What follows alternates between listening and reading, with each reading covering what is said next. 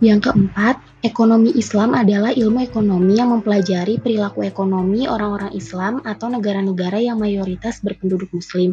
Setuju nggak sih dengan pernyataan ini dan jelasin alasannya? Kalau saya sendiri tidak setuju karena menurut saya dari sumber yang saya baca, ilmu ekonomi Islam merupakan ilmu pengetahuan sosial yang mempelajari masalah-masalah ekonomi rakyat yang diilhami oleh nilai-nilai Islam. Jadi, ekonomi Islam itu bukan hanya mempelajari perilaku ekonomi orang-orang Islam atau negara-negara yang mayoritas penduduk Muslim, karena belum tentu semua orang Islam atau negara-negara yang mayoritasnya berpenduduk Muslim melakukan kegiatan ekonomi sesuai dengan nilai-nilai keislaman.